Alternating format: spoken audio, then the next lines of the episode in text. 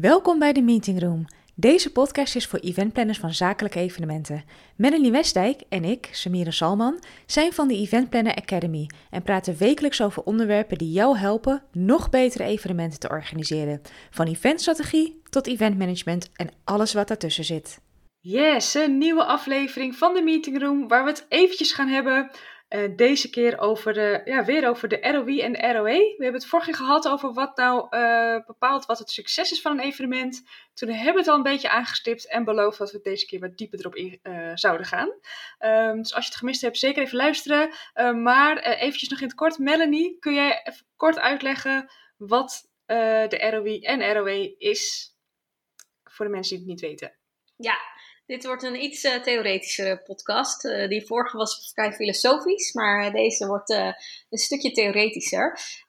dit is een onderwerp waar ik heel enthousiast van word altijd. Um, ja, dit, dit valt echt onder eventstrategie. Hè? Dus ROI staat letterlijk voor Return on Investment, um, of ROE, hoe je het ook wil af, afkorten, Return on Event. Uh, en het betekent gewoon niets meer dan um, wat heb je erin gestopt en wat is er uitgekomen. Dus uh, wat is de return van jou, jouw investering eigenlijk? En in dit geval, we hebben het over evenementen. Uh, wat is de return van jou? Dus dus wat, wat levert het organiseren van het evenement jou op? Daar komt het op neer.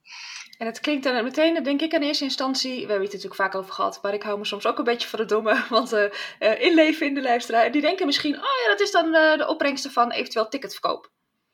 Nou ja, dat is wel, wel interessant, want je kunt het eigenlijk op twee manieren zien. Dit is echt een beetje een, um, van oudsher een marketingterm. Um, uh, je gaat eigenlijk, return on investment gaat heel erg over, je wil eigenlijk al je marketinguitingen naast elkaar kunnen leggen om te kijken welke marketinguiting het beste presteert. Hè? Dus uh, doe mijn Facebook advertentie het beter of kan ik toch beter een, een advertorial buiten op straat hangen bij wijze van spreken. Wat is daar de, de opbrengsten van? Welke doet het beter?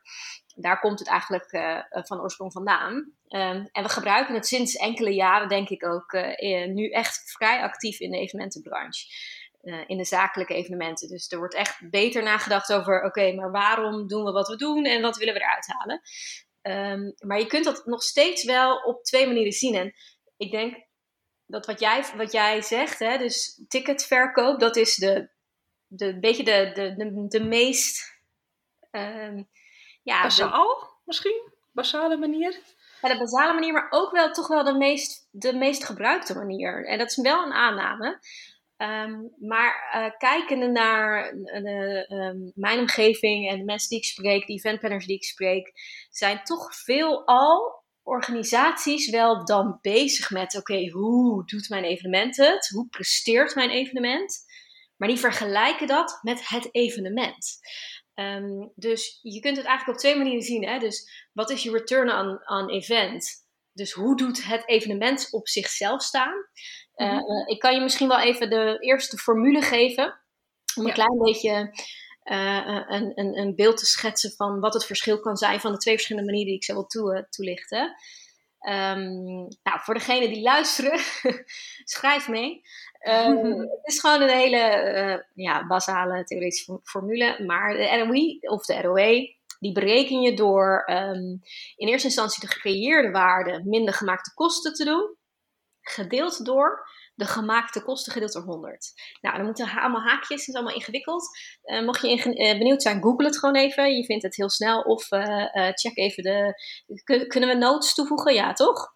Ja, ja zeker. Ja. ja. Nou, we en hebben een linkje naar de blog daar staat het ook wat meer uit toegelicht. Ja, precies. We hebben er veel artikelen over geschreven. Dus uh, daarin lichten we ook wat meer toe. Um, maar dan heb je het eigenlijk wel meteen over um, de gecreëerde waarde. Want uh, de gemaakte kosten voor een evenement is best duidelijk. Hè? Ik ja. bedoel, ja. Uh, catering, locatie, huur, uh, alle uh, tech die je nodig hebt, weet ik veel. Nou, de gemaakte kosten die heb je, zo, uh, heb je zo duidelijk. Maar wat is nou de gecreëerde waarde? En daar zit hem het verschil in tussen de twee verschillende manieren om ROI aan te vliegen. ROI aan te vliegen. de gecreëerde waarde kan natuurlijk gewoon puur zijn de ticketopbrengst. Hè? Dat is gewoon, stel dat het doel van jouw evenement is om gewoon zoveel mogelijk geld te verdienen, dan is je gecreëerde waarde automatisch ook uh, de, uh, de ticketopbrengst. Dus hè, je omzet eigenlijk. Dus dan doe je omzet met je kosten. en, en nou, dan deel je dat door je kosten gedeeld door 100. Nou, dan komt er dan een percentage uit. Mm -hmm. wanneer is dat interessant?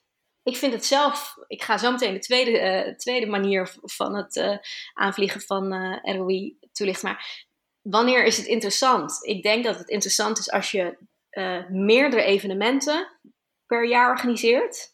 Dus dan is het heel erg interessant, en zeker als het om terugkerende evenementen gaat, mm om te kijken hoe heeft het evenement ten opzichte van de, de vorige of de volgende editie gepresteerd kun je dat heel erg leuk uh, naast elkaar zien. Want eigenlijk, basically, komt er een percentage uit.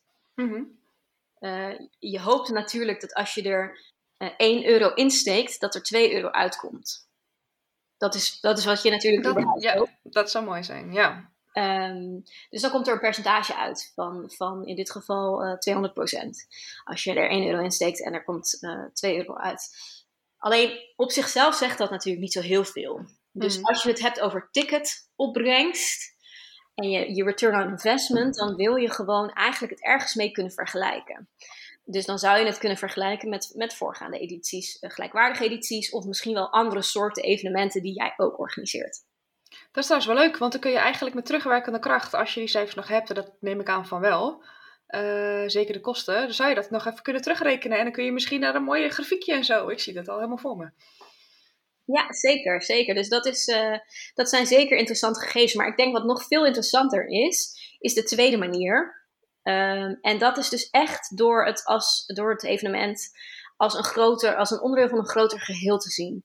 Um, dus dat het evenement een onderdeel is van je jaarplan of van je businessplan of van, je, van een marketingplan van de organisatie. Um, en dat je dan dus echt gaat kijken naar uh, uh, wat levert het evenement uh, bijvoorbeeld als je het, je kunt het eigenlijk wat mij betreft op drie verschillende niveaus kun je het, kun je het uh, toetsen of meten. Uh, als je bijvoorbeeld binnen je marketingplan of binnen je, je totale mix aan marketing zou zien, dan is het heel erg interessant om al die, die dingen naast elkaar te zetten. Een evenement is ook een vorm van marketing. Mm -hmm. um, dus hoe doet mijn evenement het ten opzichte van um, van mijn SEO-campagne of mijn SEA-campagne. Ehm, het is wel het, het is een beetje appels met peren vergelijken, maar uh, je kunt de, de return on investment van beide dingen kun je prima meten. Uh, dus, dus dat is een interessant gegeven. En een interessant gegeven is ook uh, dat je het als onderdeel van je echt van je jaarplan, van je businessplan kunt zien, van het echt het grote geheel. Dus dat je een evenement organiseert met de gedachte, maar wat willen we er nou uithalen? We willen een evenement um, met als doel om leads te genereren, om uh, dichter bij onze doelgroep te komen, dichter bij onze organisatie te komen, uh, um, dichterbij misschien wel onze medewerkers.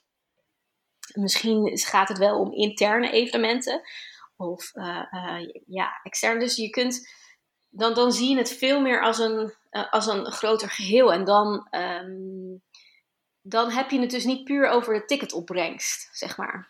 Dus dan, nee, precies. Dan... Wat komt er dan nog bij? Waar moet je dan aan denken? Waar moet je dan, wat moet je er nog meer bij optellen? Um, nou, dan zie je dus eigenlijk uh, het evenement als, als marketing tool of als tool voor, voor het bereik van bepaalde uh, doelen binnen, binnen, je, binnen je organisatie.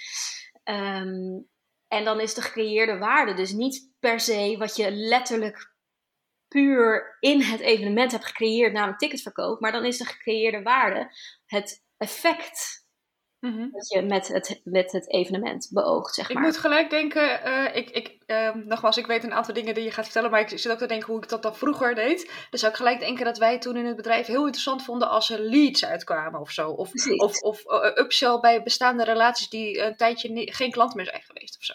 Precies, ja. Dus dat, dat, dat, zijn, dat zijn manieren van van, dat zijn vormen van gecreëerde waarde op basis van dat evenement. Dus je hebt dat evenement mhm. georganiseerd en doordat je dat evenement hebt georganiseerd, heb je, weet ik veel, 80% meer leads. Mhm.